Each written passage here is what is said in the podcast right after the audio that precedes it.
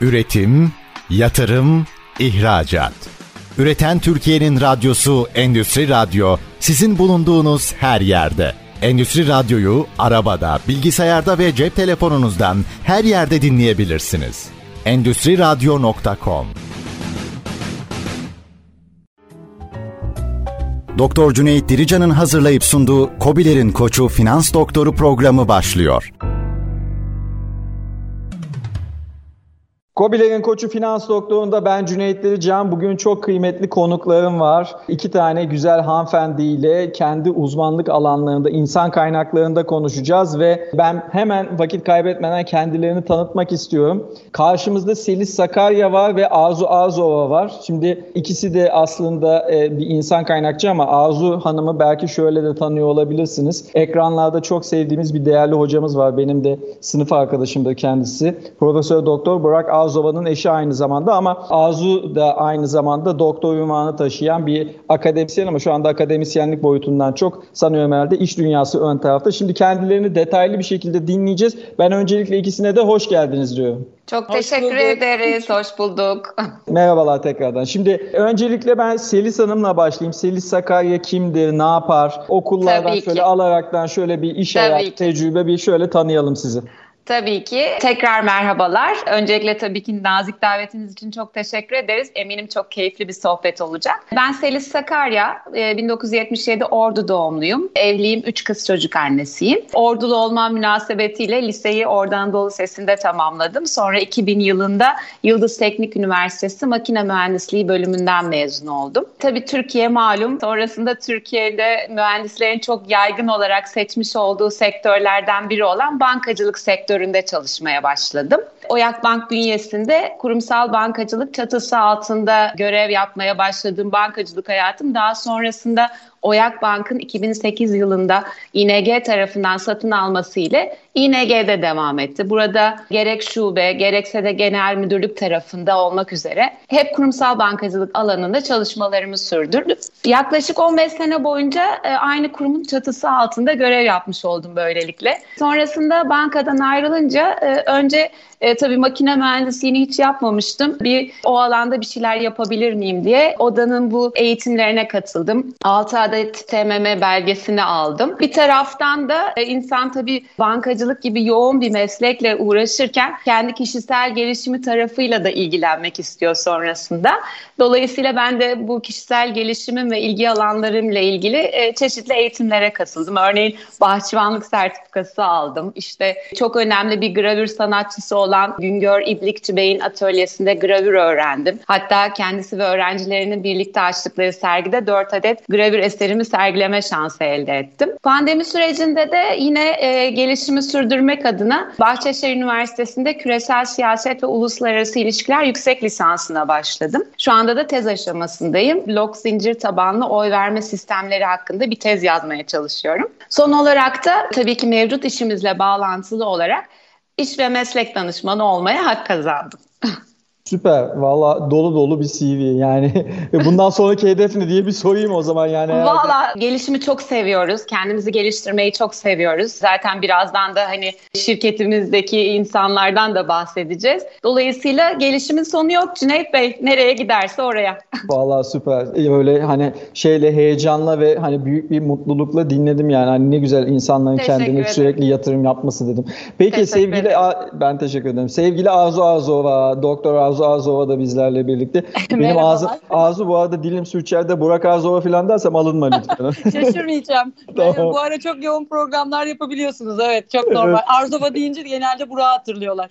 Doğrudur. Evet sen de hoş geldin. Şimdi Arzu'yu tanıyalım. Burak'ı tanıyoruz artık. Bir de Arzu'yu tanıyalım. ben Arzu Arzova. Ben de e, bir davet ettiğiniz için çok teşekkür ediyorum. Ben de 1974 İstanbul doğumluyum. Evliyim. Gördüğünüz üzere, bildiğiniz, öğrendiğiniz üzere. Üç çocuk annesiyim. 1973 yılında Cağaloğlu Anadolu Lisesi'nden mezun oldum. Sonrasında 1997 yılında da Marmara Üniversitesi İşletme Bölümünden mezun oldum. Mezun olur olmaz da 1997 yılında o zamanki adıyla Oyak Bank'ta çalışmaya başlamıştım. Daha sonra da burada başlayan bankacılık bankacılık kariyerime bir önce büyüyen bir banka trendine giren Oyak Bank'ta sonrasında İNG Bank olarak devam ettirdim ve toplam 17 yıl kadar çalıştım. E, hem kurumsal bankacılık yaptım hem ticari bankacılık alanında bulundum. Hem genel müdürlük hem de farklı şubelerde geçen bir deneyim oldu. Bankacılık deneyimimin esnasındayken 2001 yılında yüksek lisansımı, 2011 yılında da doktoramı tamamladım ve doktor ünvanını aldım. Ayrıca akademik çalışmalarım oldu. E, kitap bölümü yazdığım eserlere katkılarım oldu. Bir dönemde Nişantaşı Üniversitesi'nde ders verdim. Şimdi ise profesyonel iş hayatıma Talent House İnsan Kaynakları'nda kurucu ortak olarak devam ediyorum. Süper sevgili Arzu. E, ben arada mesajı aldım. Hani bizi dinleyenler tabii orada senin akademik kariyerini dinlerken yakalayamadılar ama ben yakaladım. Merak etme kitap bizim kitaplarda inşallah halloluyor diyeyim o zaman evet, burada. bir bölüm daha yazdım. Cüneyt evet.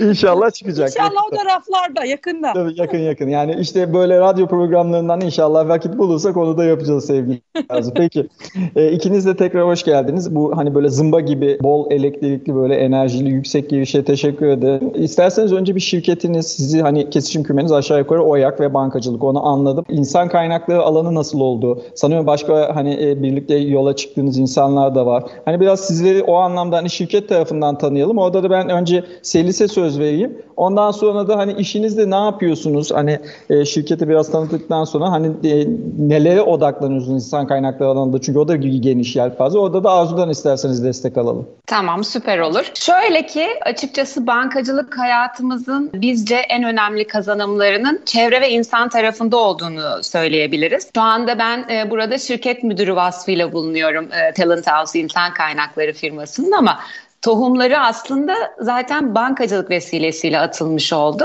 Çünkü aynı kurumda yıllarca beraber çalıştığımız dört eski bankacı arkadaş olarak kurduk şirketimizi. Ünvanımızdan da anlaşılacağı üzere e, insan kaynakları danışmanlığı yapıyoruz. Bunu birazcık daha açacak olursak şirketler için aranılan niteliklere sahip, şirketlerinin yapısına uygun, orta üst düzey yönetici ve her kademeden personelin seçme ve değerlendirme hizmetini sunuyoruz. Mesleki deneyimi olan, ilgili pozisyonu uygun, mesleki birikime sahip danışmanlarıyla ve geniş veri tabanı ile bu e, anlamda talepleri yerine getirmeye çalışıyoruz. Ayrıca İK süreçlerinin iyileştirilmesi konusunda da e, danışmanlık veriyoruz ve çeşitli konularda eğitim hizmetlerimiz de bulunuyor. Tabii ki bankacılık kaynaklı olduğumuz için finansal anlamda, finansal danışmanlık anlamında da e, hizmet sunuyoruz Cüneyt Bey. Peki sevgili Azova, şimdi bu noktada insan kaynakları işe yerleştirme tarafını hani e, ağırlıklı olarak yapıyorsunuz ama başka yaptığınız alanlar var mı? Yani danışmanlık deyince çünkü geniş yelpaze, hani e, orada organizasyonel gelişim süreçler, görev tanımları veyahut da işte yönetim danışmanlığı, yönetici koçluğu gibi hani başka başlıklarınız da var mı? Ya da proje bazlı mı çalışıyorsunuz? Yani şu an hedefliyoruz. Tabii ki bunlarda daha da büyümeyi istiyoruz ama İK süreçlerinin iyileştirilmesi konusunda danışmanlık hizmetleri de vermeye başladık. Yani buradaki konular tabii yani gerçekten insan kaynakları konusu derya deniz. Hani bu işte her alanı farklı gelişiyor ve farklı ilerleyip büyüyebileceğiniz alanlar. Yani biz de dört arkadaş olarak hani bankacılıktan edindiğimiz deneyimlerle ve bizim o dönemki şartlarımızda şöyle bir gerçeğimiz vardı. Yani bir ilana çıktığınız baktığınız zaman eğer ekibinize birisi gerekiyor ve onu almanız gerektiği dönemde hani en çok biz kendimiz bayağı İK'cılar gibi çalışırdık o dönemde. Hani hemen nerelerde bu pozisyonda çalışanlar var işte kim düşünür tabii ki o maaş skalasına kim gelir gibi araştırmaları da hani yaptığımız dönemlerden geçmiş olmamızın hani bize e, artıları oldu. Bu işi seçmemizde de bir vesile oldu ve biz şirketimizi kurduğumuzda da e, hani amacımız doğru insan, doğru şirket ve hızlı çözüm vizyonu ile kurduk ve gelişen iş dünyasının da insan insanların kendini sürekli geliştirmesi gerektiği bir ortamdayken hem şirketlere hem de ülkemizde de katma değer sağlayacağımızı düşündük. Doğru insanın doğru şirkette görev yapıyor olmasının çok büyük önemi olduğunu düşünüyoruz. Onun için de aslında hem kişisel gelişim ama kişisel gelişim ve kişilerin mutlu olmasıyla da markaların işte firmaların çok daha üst düzeye geleceğini deneyimledik, gördük, kendimiz de yaşadık ve şimdi de e, buna vesile olmaya çalışıyoruz. Onun için işimizin asıl hedefi iki tarafı da en doğru şekilde, en hızlı şekilde buluşturup bu süreçlerde de aslında gereksiz olan bazı aşamalarda varsa bunları inceleyip, ayıklayıp buradaki iyileştirmeleri yapmak konusunda da destek olmaya çalışıyoruz. Hem bireylere, Süper. hem şirketlere, hem de ülkemize. Süper. Ülkemiz derken orada böyle arkada sanki böyle bir gizli özne var. Dört orta az. Hani biz yurt dışına da açılırız gibi hissettim ama bilmiyorum. Yani yapmadık evet, değil. Evet. Birazcık yapmış olabiliriz. evet onu yaptık. Çeşitli coğrafyalarda da büyümeyi hedefliyoruz tabii ki. Süper. Valla diğer ortakları da şöyle bir hızlıca alayım sevgili Selis senden de. Hani dördünüz de sanıyorum herhalde hanımefendi. E, dolayısıyla... Evet, daha... evet. Aynen öyle. Başak Arslan ve Nesime Onur diğer iki ortağımız ve onlar da e, uzun yıllar bizim gibi bankacılık tarafında görev yapmış. Çok kıymetli yöneticilik yapmış kişiler. Başak hem şey tarafında hem e, şube müdürlüğü tarafında da görev yaptı. Nesime de aynı zamanda uzun yıllar o da kurumsal bankacılık çatısı altında yöneticilik görevinde bulundu. Yani açıkçası e, hakikaten bankacılığın bayağı tozunu yutmuş kişileriz öyle söyleyebiliriz. Vallahi bak ben de bankacıyım ha. Bir an böyle acaba mı diye. Neden olmasın? Bence banka banka çok büyük bir deneyim. Çünkü yani mesela ben kendi adıma söyleyeyim. Küçük Oyak Bank'ta işte sistemle ilgili bir ekip kurulduğunda onun içinde de bulundum. Ama bu arada işte mevzuat inceleyip o mevzuata göre bu olur mu yu hani e, netleştirmek adına olan çalışmaların içinde de oldum. Abi bir banka eşleşmesi ve bu arada işte o süreçlerin yönetim yani çok büyük farklı şeylerin yaşandığı ama art hani öznesinde de insan ve insan ilişkisinin olduğu bir yapı. Çok Kesinlikle büyük bir yapı. öyle. Peki şimdi o zaman hemen e, şöyle ikinize de hızlı hızlı iki tane sorum olacak. Böyle kısa kısa cevaplarım çünkü daha çok konuşacağımız var. Araya da yaklaşıyoruz yavaş yavaş. Öncelikle hani birincisi bankacılık mı daha güzel, burası mı daha güzel? Arzucum önce sen söz almak Valla burası daha güzel, daha özgürüz. Çünkü cevabımız aynı olacak diye düşünüyorum. Çok özgürüz. tamam, ya bir de Cüneyt Bey gerçekten hani biz dördümüz de yani ortak öznesi insan diyebilirim. Gerçekten insan ilişkilerinde hem seviyoruz hem de başarılı olduğumuzu düşünüyoruz. Yani ilişki ve insan yönetimi e, çünkü bizim işimizde çok önemli. Dolayısıyla bize inanılmaz keyif veriyor bu sektörde olmak. Zaten bankacı da başka türlü herhalde olamazsın yani. Çünkü evet, tamamen aynen. insan yoğun bir meslekten bahsediyorsunuz. Aynen öyle. Aynen Peki. öyle. Hemen ikinci sorum. E, Selin senle devam edelim sonra Arzu'dan alayım. İnsan kaynakları, insan kıymetleri deyince aklınıza ne geliyor?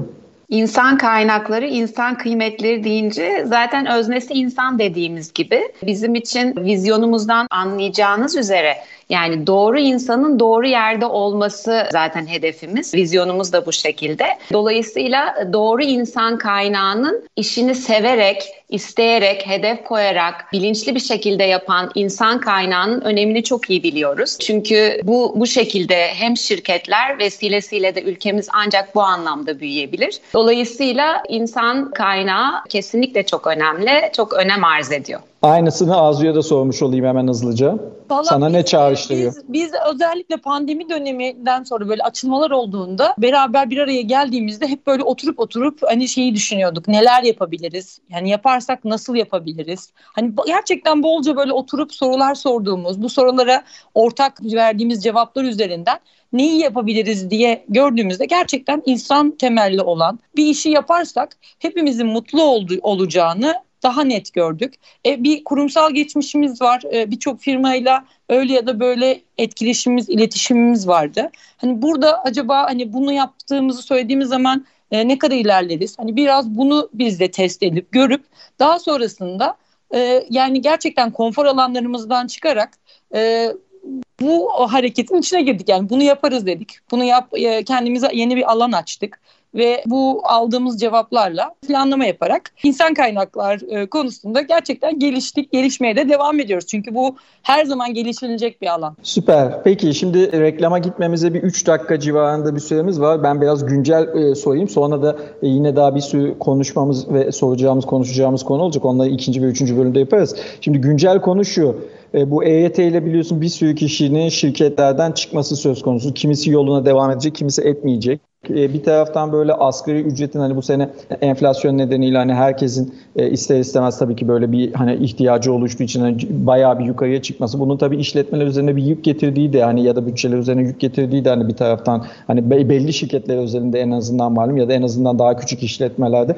Yani bu iki kavram bu sene insan kaynakçıları çok zorladı. Hani bu da size gelen bir talep oldu mu veya da size gelen taleplerden siz nasıl bir sonuç çıkardınız? Bir de insan kaynakçıları hani bu noktada nasıl destek verirsiniz ya da verebiliyorsunuz? Yani burada bence şöyle bir sıkıntı oldu. Firmalar gerçekten her gün neredeyse yeniden yeni farklı hesaplamalar yapar duruma geldi. Yani patron şirketler iyice kriz halinde. Firma yani böyle kurumsal şirketlerde de devamlı sayılar. Acaba işte kaç kişi giriyor, kaç kişi olacak? Ya Aralık dönemini öyle geçirmiştik. Ama şimdi de bu sefer maliyetler belli oldu. Hani ilk etaptaki. Bunlara göre bir hesaplama skalası var ama tabii ki orada mevcutta o çalışmaya devam edenlere verilecek hakların belki EYT'ye girmeden, emekli olmadan çalışacak olanların durumunun da belirginleşmesiyle aslında bir biraz da olsun bir oh çekildi. Yani bir aralıktaki kadar e, herkes streste değil. Herkes rakamlara alışmaya çalışıyor. Ama tabii ki en büyük sıkıntımız ne? Mesela mevcutta görüşmesini devam ettirdiğimiz, yürüttüğümüz adaylarımız var. Fakat mesela özellikle de istifa ederek de gelecekse hiçbir zaman o geldiği rakamın doğru rakam olup olmadığı konusunda bir böyle e, sıkıntı yaşıyor. Evet bir de şöyle zaten e, henüz daha meclise de hani evet. e, gelmediği için bir netleşen bir süreç yok aslında EYT tarafında. İşte beklenti EYT'li olup alacağı maaş konusunda beklentisini karşılamayan insanlar da var. Dolayısıyla açıkçası e, aslında orada biraz belirsizlik var diyebiliriz. Ama netleştiği noktada da tabii ki ciddi bir sirkülasyon olması e, bekleniyor. Çünkü çok ciddi bir rakam yani EYT kapsamında olacak kişilerin.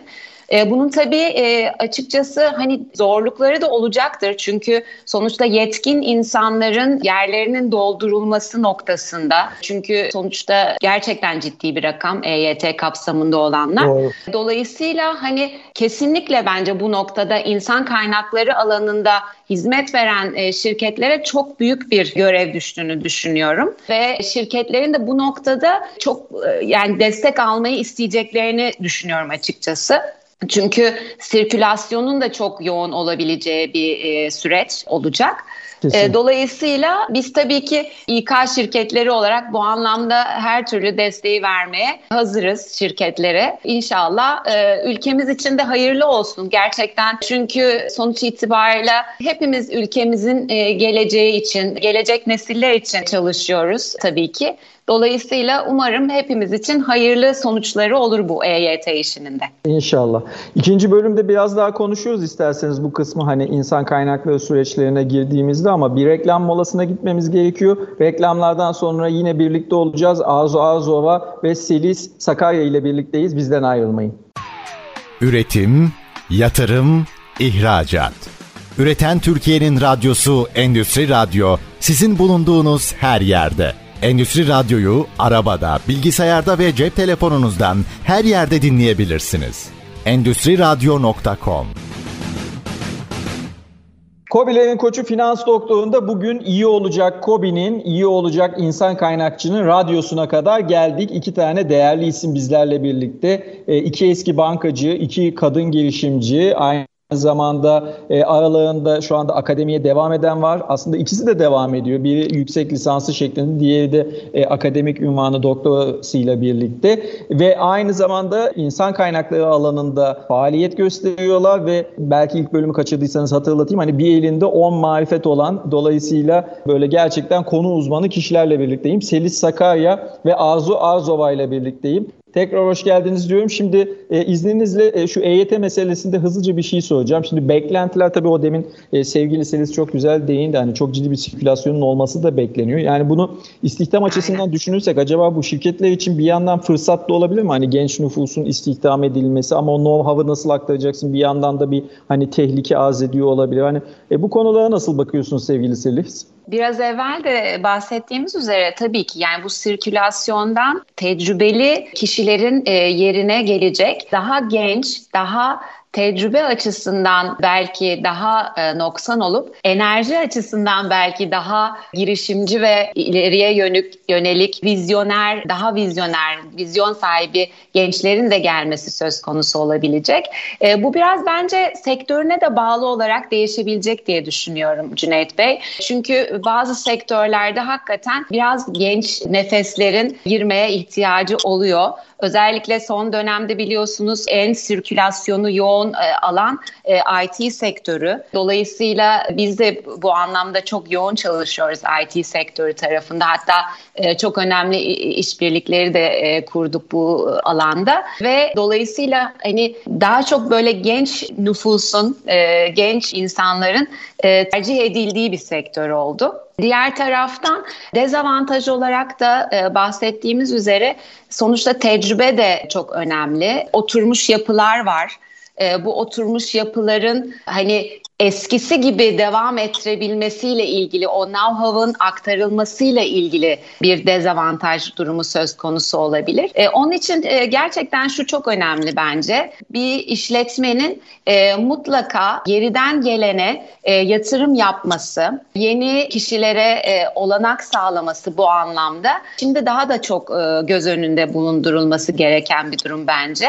Çünkü e, bir anda bir e, EYT gerçeğiyle karşı karşıya kaldık ve hani pozisyonlarda hızlı bir sirkülasyon yaşanması durumu söz konusu. Bu anlamda geçmişten buna yatırım yapan şirketler bence çok daha avantajlı olacaklar hani bu güncel konuyu bir de EYT kelimesi de böyle hani şey olunca ilgi çekince Oradan da biraz gireyim istedim. Ee, ama tabii biz biraz daha bu işin istihdam boyutundan veya da şirketlere olan etkisi boyutundan tabii ilgileniyoruz. Bireylere olan kısmından daha çok. Çünkü iş kanunu da zaten biliyorsunuz biliyorsun hani e, sporda olduğu gibi menajerliği kapsamıyor. Yani e, işverenle aslında siz daha çok muhatap olmak Tabii. zorunda olduğunuz için kanunen o yüzden biz daha çok o tarafa odaklandık. Sevgili Arzu Arzova, e, şimdi müşterilerden tabii bu EYT'nin dışında gelen talepler de var haliyle. E, mesela bu demin işte IT tarafında hani konuştuk. E, başka hani ne gibi talepler geliyor? İster fonksiyonel bazlı, ister sektör bazlı, ister yetenek bazlı hani aslında nelerle çok, karşılaşıyorsunuz? Ha? Yani şöyle firmalar e, teknik mülakatların gerçekleştirilmesi edilmesi konusunda çok önem veriyorlar.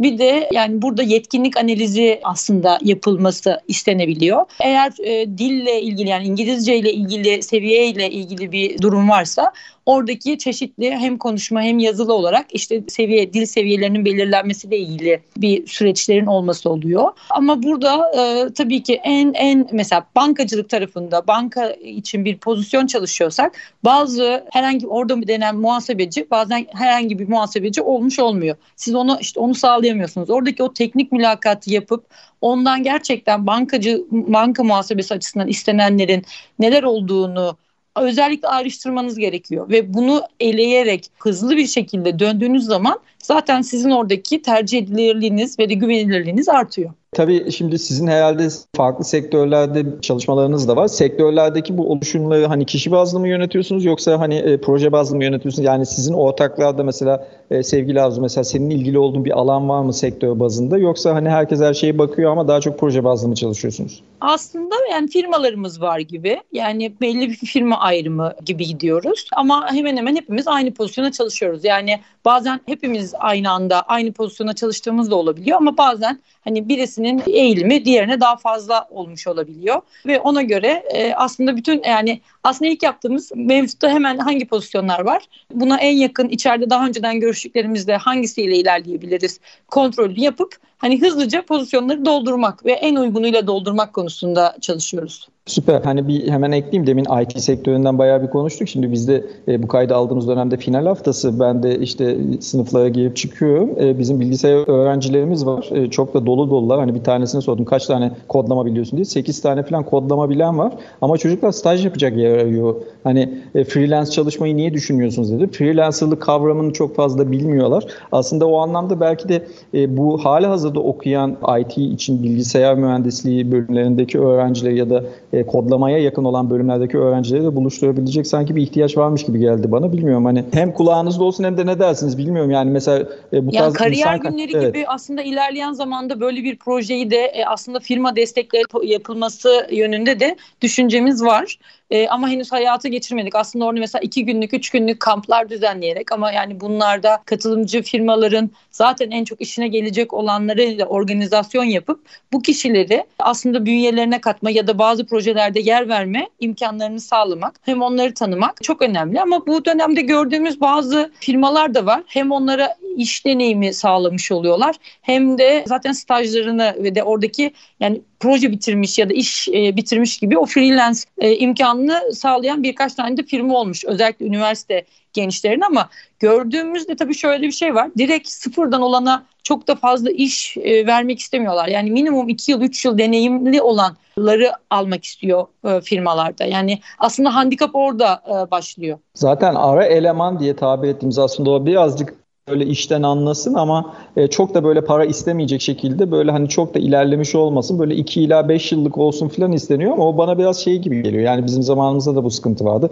Hep de olacak. Ya tabii ki şirketler bir an evvel verim, sonuç, fayda veya hani çıktı üretmek istiyor ve almak istiyor çalışanların hani en doğal hakkı. Çünkü günün sonunda hepsinin bir önceliği var, stresi var vesairesi ama e, günün sonunda bu biraz şey geliyor yani bilmiyorum katılır mısınız ama resme tersten baktığınızda hani sen anne karnında beklemeden doğmuş çocuğu istiyorsun gibi bir şey oluyor. Kesinlikle öyle. Kesinlikle yani, öyle. Şimdi şey örneğinden gidersek de mesela o çocuk 8 tane işte program biliyorum diyor. Ama onu gerçekten e, bir böyle birazcık daha açtığın zaman hani o 8 tanenin ne olduğunu biliyor ama o 8 taneyle uygun o programı yazıp oraya aktive edilmiş olarak çıkartamıyor. Yani orada belki aslında iki tanesinde ya da üç tanesinde iyi oluyor. Yani bizim gördüğümüz işte orada da onun için yetkinlik bazlı değerlendirme de onun için gerekiyor ve teknik mülakat da onun için gerekiyor. Yani gerçekten Biz orada de, yapabilitesini evet, onu ölçebilmek çok önemli. Web sitesini kurabilir mi? Yani o web sitesini evet. kuracak o programlama dilini biliyor mu? Hadi onu yaptı. Tamam onun sonrasında dediği işte dördüncü olan o programın bünyesinde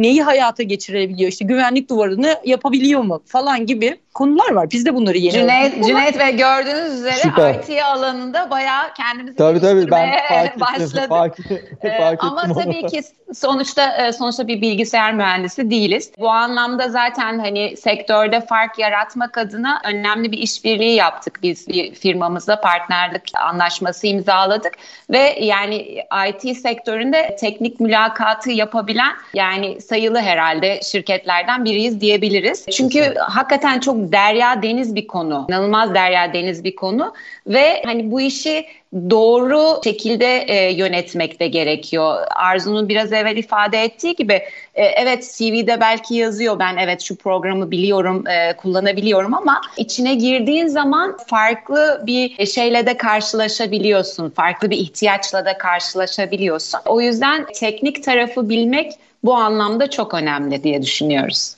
Kesinlikle ya benim de başıma geliyor. Ben de malum eğitimler tarafında hani yer alıyorum. Ee, uzun zamandır hani e, şimdi kurumsal eğitimlerde. Geçenlerde bir tane öyle talep geldi. İşte iş zekası ve iş analitiği ile ilgili eğitim istiyorlar hı hı. diye. Hani verebilir misiniz diye. Dedim yani tabii ki verebiliriz yani sonuçta. Ama dedim bunun iki bacağı var. Bir hani IT tarafı var bu işin. Bir de hani e, süreç stratejik yönetim bazlı olan kısmı var. Hani siz hangisini istiyorsunuz diye. E, biz firmayla hani bir toplantı ayarlayalım. ihtiyaç toplantısı dediler. Toplantıya girdim. Toplantıda aslında istenen Mali İşler Departmanı'ndaki çalışanlığın finansal anlamdaki o ürettikleri rakamları anlamlandırabilmesi için aslında ve bunlardan daha farklı hani dashboardlar yani raporlamaya yönelik çıktıları hızlı elde edip yönetim muhasebesinden biraz daha böyle hani stratejik yönetimi kayabilmek için aslında o finansalları okuma ve onları hani yorumlayıp tablolaştırmayla ilgili olarak aslında bir farkındalık eğitimiymiş. Yani şimdi e, başlığa baktığın zaman başka bir, bambaşka bir dünyadasın. Tabii. Hani, e, isteğe baktığın zaman bambaşka bir dünyadasın. O yüzden hani dediğinize canı gönülden katılıyorum. Burada e, sizin gibi aslında gerçekten ismi Talent House olup da o yeteneği keşfedecek kurumlar gerçekten bence çok kıymetliydi diye düşünüyorum. Ve Sevgili, evet, bir şey daha ama burada tabii, tabii. mesela hani iki yıllık, beş yıllık aslında IT dünyası için çok da gerçekçi olmayan bir de yaklaşım değil. Yani içine girdik gittikçe ben bunu daha iyi de anladım. Çünkü ilgili olan çocuk eğer gerçekten bunu yapmak istiyorsa zaten ilk yıl bile üniversitesinde bununla ilgili zaten öğreniyor. Öğrendiği zaman bunu bir şekilde yani dışarıya yaptığı bazı şeylerle o iki yıllık, üç yıllık deneyimleri çok kolay sağlayabiliyorlar. Çünkü direkt yazıyor zaten boş durmak istemiyor. Yani yazıp bir şeyi tamamlamak ve onu aktive etmek istiyor. Ve bununla ilgili de çok da fazla aslında ülke genelinde ve dünya genelinde de çok da fazla proje şeyleri var. Ve bunlara katılıyorlar ve orada bunlara birer numaralar falan veriliyor. Yani kendisi bunu Orada sonra hatta CV'sinde de belirtiyor işte ne bileyim Karadeniz bilmem ne tekniğin bilmem nesine katıldım. Hani buradaki işte bilmem ne şeyiyle projem yayınlandı. TÜBİTAK'ın e, böyle açtığı alanlar da var. Süper. Yani çaba gene çocuğa yani aslında oradaki kişinin çabasına e, ve yaptıklarına bağlı olarak 2 yıl 3 yıl deneyimi de çok kolay daha okurken yapabiliyorlar. Süper. Tabii yurt dışına çok giden de oldu bu anlamda. Daha doğrusu yurt dışına freelance buradan uzakta çalışan da oldu. Yani birçok öyle işten ayrılan da oldu. Siz daha iyi bilirsiniz. Çünkü hani haliyle o Türk lirası e, yabancı paralar karşısındaki değer evet. aynı işi aynı Kesinlikle. kod satırını yazıyorsun ama hani 10 katı ya da hani baktığın zaman e, ona yakın bir yerlerde para kazanıyorsun. O yüzden hani çok ihtiyaç oldu. Peki şimdi reklama gitmemize son 4 dakika var. Önce ben Selis'le başlayayım. Sonra da Azu'ya sormuş olayım. İkinize de ikişer dakika vereceğim. Sevgili Selis bu işin zorlukları neler? Nelerdir? Arzu sana da bu işin keyifli yanları nelerdir onu sormuş olayım. Peki. Zor tarafı ben aldım Arzucuğum. ee, şöyle ki bizce e, insan hayatının en önemli kıymetli unsurlarından biri e, tabii ki zaman. Zamanı doğru efektif kullanmak çok önemli. Biz de bu doğru insanı doğru şirkete yerleştirmek için tabii ki oldukça emek ve zaman sarf ediyoruz. Her pozisyon için çok titiz çalışmak ve e, birçok görüşme yapmak gerekiyor. Tabii ki hani çalışan insanların yoğun programlar arasında zaman üretmek, organize olmak bu anlamda kolay olmuyor olmuyor. Zaman zaman bu anlamda zorluklarımız var. Az evvel Arzu'nun da tabii ki belirttiği üzere ekonomik olarak ülkemiz çok farklı bir dönemden geçiyor. Hem EYT gibi bir durum söz konusu hem e, ekonomik parametrelerdeki bu inanılmaz e, durum söz konusu. Dolayısıyla biraz e, şirketler o anlamda maaş politikalarını oturtmakta da çok zorluk yaşıyorlar. Şu anda hala daha ne şekilde ilerleyeceğini, ne kadar bir artış yapacağını karar verememiş şirketler söz konusu. Dolayısıyla biz bir görüşmeyi yapıyoruz bazen. Hani diyoruz ki hani maaş şu anlamda maaş şu kadar olacak ama görüşmenin üzerinden atıyorum bir iki gün geçiyor. Firma diyor ki ben, benim bunu revize etmem lazım. Ya da diyor ki çalışan şimdi benim şir- mevcut iş yerimde böyle bir durum oldu. Benim revize etmem gerekiyor diyor. Biraz burada maaş skalaları e, anlamında da zorluk yaşamaya başladık. Umarım her anlamda seçimin de yaklaştığı şu dönemde inşallah her şey daha rayına girer ve başta ekonomik sıkıntılar, sorunlar olmak üzere hepsi çözüme kavuşur. Keyifli evet. yanlar için sözü sana bırakıyorum Evet, ben de öyle reklama gitmeden keyifli kısma geçelim diyecektim. Sen benden önce söylemiş oldun peki. Valla ya insanın keyif aldığı işi, keyif aldığı arkadaşlarıyla beraber çalışıyor ve yani çalışıyor gibi olmuyorsun zaten de yapıyor olması paha biçilemez. Yani biz de şu an bence en çok bunun özgürlüğünü yaşıyoruz. E, artı hani kendimiz planlıyor biliyoruz günümüzü. Hani belli bir saat kavramımız olmadan hani ne, dilediğimizce kendi özgür irademize göre bu e, süreçleri yönetebiliyoruz. Ve işimiz insan. E, dolayısıyla bu vesileyle de birçok yeni insan tanıyoruz. Her görüşmede ya da gele her yeni gelen bir e, şirket talebinde hem sek yeni sektörlerde tanıdığımız oluyor. Yeni insanlar tanıyarak Aa, evet böyle de bir durum var gerçekten dediğimiz konular e, hayatımıza giriyor. Yani hakkıyla işimizi e, yaptıkça da keyif alıyoruz. Yani burada mesela benim hiç unutamadığım keyifli olduğunu bence çok keyifli gelen bir anımız var. Mesela bir firmamız bize iki farklı pozisyon için bir bildirimde bulundu. Tahmin ediyorum herhalde çarşamba günüydü mesela bize bilgi verdi sözlü olarak. Şu pozisyonlar için sizden yardım isteyeceğiz diye. Perşembe günü olarak da yazılı olarak geçtiler.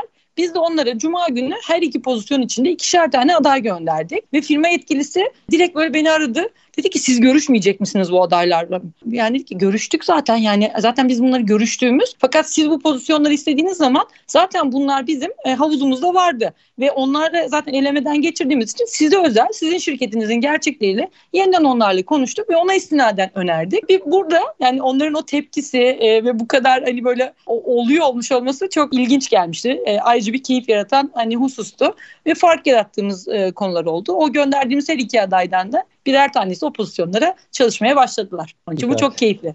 Ya kesinlikle yani bir kere orada çünkü hani bazen hani bu kadar tabii insanın iş aradığı bir hani ekonomide aslında baktığınız zaman hani insanlar nasıl doğru adayı bulamıyor noktasında aslında oradaki temel sıkıntı işte doğru adayı doğru işle buluşturabilme becerisi. O yüzden zaten sizler varsınız. Evet o yüzden... yani biz mesela boş durmuyoruz. İlla e, bazen şey de olmuyor yani biz gerçekten devamlı hani gelen e, CV'ler üzerinden kişileri tanımaya ve onların gerçekleriyle onların isteklerini gerçekten dinleyerek ne yapabiliriz zaten onu bir zaman ayırıyoruz ve o datamızda hani olmuş oluyor ve ileride bir gün zaten onunla ilgili bir pozisyon olduğunda direkt zaten diyoruz ki A, B, C zaten bununla ilgili olanlar var. Hani bunlar içinden yeniden o firmaya özel eleme yapılıyor. Süper. Evet şimdi bir reklam molasına gitmemiz gerekiyor. Son bölüme gireceğiz. Orada da çok keyifli konular konuşacağız ama bir nefeslenmemiz gerekiyor. Bizlerden ayrılmayın değerli dostlar.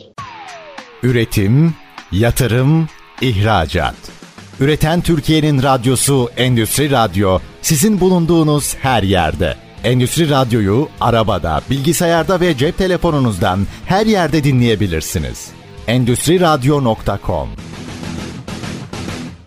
İyi olacak Kobi'nin, iyi olacak şirketin, iyi olacak insan kaynakçının bugün radyosuna kadar geldik. Talent House firmasıyla onun ortaklığından iki tanesi bugün aramızda değerli isimler. Arzu Arzova ve Selis Sakarya bizlerle birlikte. Selis ne demek sevgili Selis? Selis Farsça kökenli bir isim e, Cüneyt Bey. Üslupta akıcılık, akıcı, düzgün, uyumlu demek. Peki e, o taraflarla bir alakan var mı yoksa isim sadece oradan mı? İsim oradan. Karadenizliyim ben başta Yok, da söylediğim söyledim. gibi. Ordu da hani kökenler anlamında sordum. Yok köken kökende e, yani Farsça ama babamın tamamen üniversite yıllarında bir şey sabahlama esnasında kızları için bulduğu isimlerden bir tanesi. Süper. Ay benim de ismim Cüneyt biliyorsun. Cüneydi Bağdadi. Benimkisi de şey Pers kökenli yani fa- evet. Fasi kökenli. Ee, evet. Bizim de işte kök e, Horasan tarafına dayanıyor. Yani Öyle o mi? işte e, tabii tabii Anadolu'nun Türkleşmesi noktasında işte o Mevlana ile birlikte işte Anadolu'ya gelen bütün o ahi evranlar vesaireler. O yüzden rahmetli babaannem koymuş. Hani o yüzden sordum acaba bir şey var mı diye alakası. Yok öyle bir bağlantı tamam. yok ama çok seviyorum ismimi Cüneyt Bey.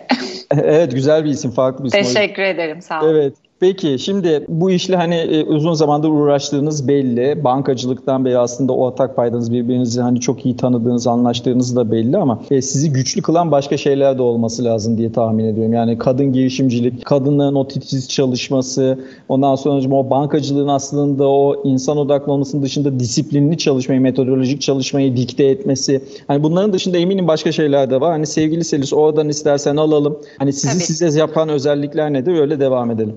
Bahsettiğiniz üzere yani aslında şirketimizi biz 2021 e, sonu itibariyle kurduk ama bankacılıktan gelmenin e, tabii bu anlamda çok ciddi bir katkısı oluyor. Bu işin birçok tarafını da tecrübe etme şansınız oluyor. Arzu'nun da daha önce belirttiği gibi biz e, bankacılıkta yöneticilik pozisyonda görev aldığımız için beraber çalıştığımız ekip arkadaşlarımızı bulmak, görüşmelerini yapmak, işte KPI'leri belirlemek, onların takibini yapmak gibi e, aslında birçok e, İK sürecini tecrübe ediyor olmuştuk. Ve bizce güçlü yönümüz açıkçası bu anlamdaki uzun sürelere dayanan tecrübemiz neticesinde. Sonuçta e, hepimiz 15-20 e, yıl aralığında bir çalışma tecrübesine sahibiz. Ve özellikle bankacılık tarafında çalıştığımız için insan tanıma, müşterinin ihtiyaçlarını doğru analiz etme, bu anlamda doğru atışlar yapabilme açıkçası bizim e, en güçlü e, yönlerimiz diye düşünüyoruz. Firmadan her firmadan gelen talebi biz ayırt etmeksizin aynı özveri, aynı titizlikle ele alıp sonuçlandırmaya çalışıyoruz. Bu da tabii bence bizi oldukça güçlü kılıyor. Süper. Peki şimdi sevgili Arzu, hazırsan zor soruları soracağım. Buyurun. tamam, tamam. Şimdi hep siz soracak değilsiniz. Biraz da biz soralım o zaman. Şimdi e, eminim ki bizi dinleyenlerden daha haydi Cüneyt hadi Cüneyt diyenler var. Buldum iki insan kaynakçıyı. Hep siz mi soracaksınız? Haydi aynı soruyu ben size soruyorum. Aynen mülakat sorusu. İşinizde karşılaştığınız en büyük problem neydi? Bunu nasıl çözdünüz? Nasıl başa çıktınız? Hadi bakalım. Yani Allah şükürler olsun. Yani şimdiye kadar öyle hani söyleyebilirim ki e, büyük bir zorlukla hani başa çıkmamız gerekmedi. Ama yani çünkü şunu diye düşünüyorum herhalde doğru iletişim olduğu sürece o zorluk ortada kalmıyor. Yani zorluk diye ortada e, büyütmüyorsunuz onu. Onun için düzgün iletişim kurabildiğiniz noktada da problem boyutuna ulaşmadan zaten çözmüş oluyorsunuz. Peki hemen ikinci sorunu geliyor o zaman Arzu hazırsan. Buyurun.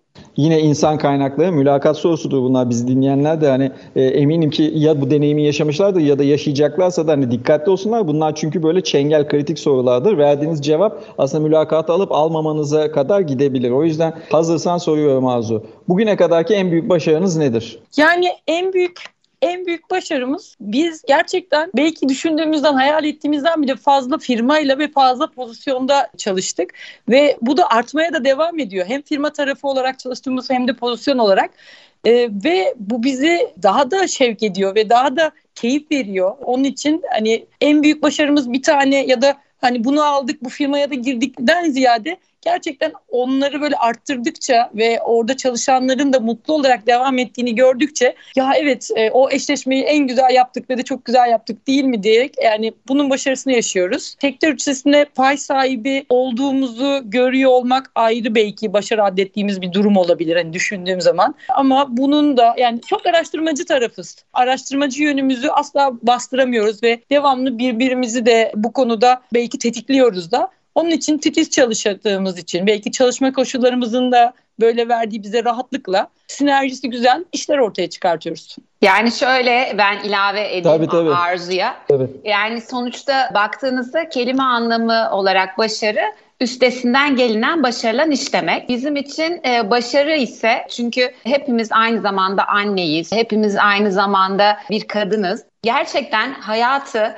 en dolu dolu şekliyle fayda sağlayarak güzel bir şekilde yaşayabilirsen gerçekten başarılı olduğuna inanıyoruz. Kendini etrafındakileri e, geliştirip yeni şeyler öğrenerek yaşadıklarımızdan ders çıkartıp olgunlaşıp bu tecrübeleri başkalarıyla da paylaştığımız noktada biz başarılı olduğumuza inanıyoruz. İnsan kaynağı da bu anlamda gerçekten başarıyı tadabileceğin çok önemli bir sektör. Dolayısıyla bu felsefeyi de benimsediğimiz için e, açıkçası başarı bence bize otomatik olarak geliyor diye düşünüyorum. Süper. Ben yeşil kalemle kağıdın kenarına tıkı attım. Bizi dinleyenler adım gibi eminim şu anda attılar. Yani iki taraftan da bence doğru cevaplar geldi ama Selis Teşekkür hazır... ederiz.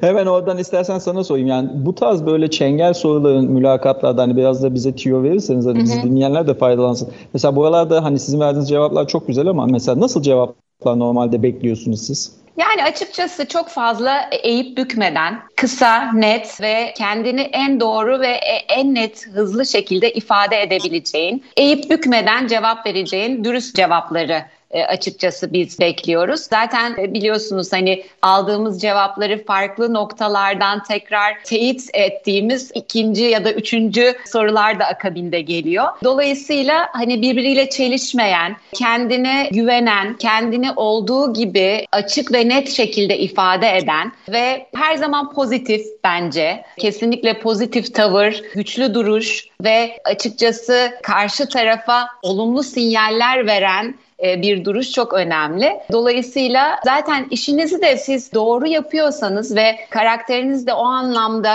destekliyorsa e, mülakatta e, başarılı olmamanız için hiçbir sebep yok diye düşünüyorum. Peki süper. Arzu o zaman insan kaynaklarındaki en önemli başlıklardan bir tanesi geliyor. Bankacılıkta da biliyorsun en çok hani muzdarip olduğumuz konulardan bir tanesi. En azından hani benim deneyimlerimde o şekilde oldu. Haliyle hem kişisel motivasyon diye bir şey var hem de birlikte çalıştığın insanları, ekipleri motive etmen gerekiyor. Şimdi hem e, o anlamda hani şirketlerde motivasyonla ilgili de istersen şeyini, deneyimlerini veya da söylemek istediklerini aktarabilirsin. Ya da sizin kendinizin hani şu anda halihazırda Talent House'da nasıl motive olduğunu, sizi neleri motive ettiğinden de bahsediyor olabilir olabilsin. Söz sende. İşte demin bir örnekle anlattığım gibi müşterilerimizden gelen olumlu geri bildirimler tabii ki çok önemli ama en önemlisi e, çalışanın da mutlu olması. Yani onun için iki tarafın keyifli çalışma ortamında olmaları en büyük aslında motivasyon unsurumuz e, ve bununla e, resmen yeniden besleniyoruz diyebilirim. Yani onlar mutlu olduğunu ilettikçe daha da keyif alıyoruz ve ben yani kendi adıma mutlu çalışanların çalıştıkları firmalara katma değer kattıklarını düşünüyorum. Yani çünkü keyifli çalışan, mutlu olan çalışanlar özverili çalışıyor oluyor ve o markanın, o firmanın gerçekten bir uzuvu gibi oluyorlar ve onu gerçekten yükseltmeye çalışıyorlar. Onun için fark yaratan kurumların da genelde gördüğüm çalışanlarına iyi davranan ve mutlu olmalarını sağlayan yapılarda olduğunu gördüm. Onun için motivasyonun da insanların e, duygu durumlarıyla beraber gerçekten o kurumda iyi hissetmelerinin önemli olduğunu düşünüyorum da bu yüzden de bu uygunluğu sağlayan tarafların eşleştirilmesi süreci içinde olmak e, gerçekten teşvik edici, ekstra itici bir güç veriyor. Çok motivasyon sağlatıyor bizlere. Süper. Şimdi e, biliyorsunuz mutlulukla ilgili olarak artık şirketlerde böyle üst düzey yöneticiler var değil mi? Chief Happiness Officer diye ki uluslararası bir kavram. E, benim bildiğim sanıyorum bunu ilk uygulananlardan bir tanesi o McDonald's'ın böyle gülen hani bir şeyi vardı, figür vardı, palyaço. Bir evet. o var bildiğim kadarıyla. Bir de KFC'nin o albayı vardı kurucusu. Böyle beyaz tonton bir amcadır. Yine aslında fast food'dan çıkmıştır. Yani hem insan odaklıdır hem gıda evet. perakende tarafıdır. Dolayısıyla hani o şey tarafında mesela Chief Happiness Officer tarafında da Türkiye'de sanıyorum birkaç tane firma bunu uygulamaya yani çalıştı ve yaptı da. Ama şimdi daha çok iş esenlik tarafına kayıyor galiba bu pandemiyle birlikte. Hani Kesinlikle oralarda sizin öyle. deneyiminiz nasıl oldu sevgili Selis? Kesinlikle öyle. Yani Arzu'nun da belirttiği gibi insan işini severek yapmıyorsa eğer zaten e, ortaya doğru düzgün bir şey çıkmıyor. Dolayısıyla esenlik tarafı sizin de belirttiğiniz üzere çok önemli. Yani esenlik tabii e, herkesin bakış açısına göre değişen de bir şey Cüneyt Bey sonuç itibariyle. Kimi yani ekonomik getirileriyle mutlu oluyor. Kimi yaptığı işte ortaya çıkardığı sonuçla mutlu oluyor. Kimi diyor ki ben böyle iyiyim. Hani uzun yıllar aynı yerde, aynı pozisyonda çalışırım. Bana kimse dokunmasın. Ben böyle mutluyum diyor. Tabii ki mutluluk da insana göre değişen bir faktör. Dolayısıyla ama Herkesi de mutlu etmek tabii ki mümkün değil ama asgari e, ölçekte buna çaba sarf etmek e, çok önemli. Kesinlikle şirketlerin önceliğinin bu olması gerekiyor tabii ki. Peki şimdi artık son 3-4 dakikamız programı kapatacağım ama e, kapamaya gitmeden evvel Arzu sana şu uzaktan çalışma, pandemiyle birlikte hayatımıza giren böyle hani home office çalışma, işte freelance çalışma veya da işte yarı zamanlı çalışma, proje bazlı çalışma gibi böyle hayatımıza garip garip veya da aslında belki e, ihtiyaç da olan ama e, bir yandan keyif veren bazen de zorlaştıran bir sürü kavram girdi. Oralarda trend ne tarafa doğru gidiyor? Yani size gelen taleplerden siz neyi görüyorsunuz? Valla çalışanlar evden çalışmayı çok sevdiler ve mümkün olduğunca bu tarafın ağır bastığını ama şu da var. Hani bazı kişiler de diyorlar ki hayır benim işte ofise gidip ofis ortamında olmam lazım. Kesinlikle bundan sonraki süreçte hibrit sistem e, sanki devrede olmadığı zaman gerçek rahatlık olmayacak. Çünkü yani o da şöyle bazı işlere göre haftanın bir günü belki evden çalışıyor olmak yeterli ve iyiyken bazı işlerde belki üç gün bu olmuş olacak. Ama hem çünkü kişiler gözlemlediğimiz aslında ofiste olmuş olmanın rahatlığını da istiyorlar ama evde olmuş olmanın rahatlığını da istiyorlar. Onun için ikisinin bir arada olduğu sistemler bundan sonra artık hep hayatımızda olacak diye görüyorum. Valla mümkünse ben de öyle bir iş hemen istiyorum diyeyim. ee, aslında akademisyen... Var, bayağı var. Epey var. Evet, evet. İstanbul zaten... trafiği de göz önünde bulundurulduğunda. İşte akademisyenliğin güzel tarafı o yani hani e, aslında hem okuldasın hem değilsin. E, dolayısıyla benim de herhalde bankacılıktan sonra yıllar sonra bu tarafa doğru gelmemdeki en önemli etkenlerden biri diye düşünüyorum. O aslında daha az çalışmıyorsun. Şimdi yanlış da bir şey ifade etmeyeyim. Aslında daha çok çalışıyorsun ama daha kendine odaklı olabildiğin veyahut da vaktini kendinin ayarlayabildiğin işler aslında beni cezbediyordu. Belki biraz hani kişilik yapıma karakterime de uygundu. O yüzden bana hani çok ilaç gibi geldi öyle söyleyeyim en azından. Peki sevgili dostlar şimdi son iki dakikamız. E, aslında başta arada cımbızla ben yakaladım onu. E, ihracat dediniz, yurt dışına açılma evet. dediniz. Hani ama e, bu işte mutlaka bir hedefiniz vardır bundan sonrası için. Yani bir mertebe en yüksek gitmek istediğiniz yer. Selis o da hani hedefler nerede? Şirket müdürü olarak onu da sana sormuş olayım. Tamamdır tabii ki. Tabii ki ilk etapta ülkemizde Türkiye'de sektörün aranan önce oyuncularından biri olmayı hedefliyoruz ama tabii ki ülkemizle de sınırlı kalmak istemiyoruz açıkçası. E, yurt dışına açılıp çeşitli coğrafyalarda da e, insan kaynakları anlamında faaliyet göstermeyi hedefliyoruz. Bu anlamda büyümeyi e, çok arzuluyoruz Cüneyt Bey. Süper arzuluyoruz deyince o zaman söz Arzu'ya da gelmiş. Evet aynen. Peki Arzu'cum şimdi artık yavaş yavaş vedalaşmamız gerekiyor ama senin geneli itibariyle ister Talent House ister kendi özelinde istersen hani bu alanda insan kaynakları alanında hani söylemek istediklerin nelerdir sonunu alalım. Aynı soruyu sana da sormuş olayım Selis sonra tabii da ki. vedalaşalım. Yani bizim burada tabii ki hep hani söylediğimiz gerçekten severek yaptığınız her şey bir pırlanta gibi pırıl pırıl parlıyor. Hatta hani belki böyle herhangi bir değerli taşın da oluşma süresi için hani belli bir zorluklara katlanması lazım ki ondan sonra asıl parlaklığını verir denir. Hani o misal eğitim her seviyede, her birimize, her aşamada gerekli ve bundan hiçbir zaman kork, e, kopmamak gerekiyor. Ve hep çabada olmuş olmanın o gerektiğini düşünüyorum. Bizim ruhumuzu besliyor diye inanıyorum. Onun için her birimiz işte çabada olmalıyız. Keyif aldığımız işleri mümkünse işimiz haline getirmeliyiz. Böylece de fark yaratan işlere imza atacağımızı düşünüyorum. Yani peşinde koşmamız gereken e, değerler bunlar diye düşünüyorum. Süper. O zaman ben de hemen sözü Tabii. alayım. Kesinlikle severek, hedef koyarak, titizlikle yapılan her iş zamanla e, başarıya ulaşıyor. Dolayısıyla özellikle de e, bu anlamda gençlerin kendilerine ve karakterlerine uyan doğru işleri tercih etmeleri, belirlemeleri çok önemli. Çünkü onlar geleceğimiz. Dolayısıyla özellikle ben gençlerin bu noktada çok titiz davranmalarını, gerekiyorsa mutlaka bu anlamda destek almalarını, kendilerini geliştirmelerini geliştirmelerini tavsiye ediyorum. Ve son söz olarak gerçekten çok keyif aldığım bir sohbet oldu. Bu hani bize kendimizi anlatma ve kendimizi tanıtma imkanı sağladığınız için de sonsuz teşekkürler ediyorum. Ben de ikinize teşekkür ediyorum. Bu anlamda diğer ortaklarımıza da selamlarımızı iletiyorum. Ee, inşallah bütün bu söylediklerimizin daha daha fazlasını hani gerçekleştirdiğinizde bir gelecek diliyorum sizlere. Çok, çok teşekkür, teşekkür ederiz Cüneyt Bey. Sağ olun. Evet, sağ olun. Evet değerli dostlar, Talent House insan kaynakları alanında danışmanlık veren, aynı zamanda işe yerleştirme, eğitim ve benzeri bir sürü süreçte yer alan dört tane güzel hanımefendinin kurmuş olduğu eski bankacının kurduğu böyle dolu dolu bir şirket gördüğünüz ve dinlediğiniz gibi. E, Selis Sakarya bizlerle birlikteydi ve Arzu Arzova, Doktor Arzu Arzova da bizlerle birlikteydi. E, bundan sonraki haftalarda da yine keyifli sohbetlerimizde bir arada olmak dileğiyle sağlıcakla kalın.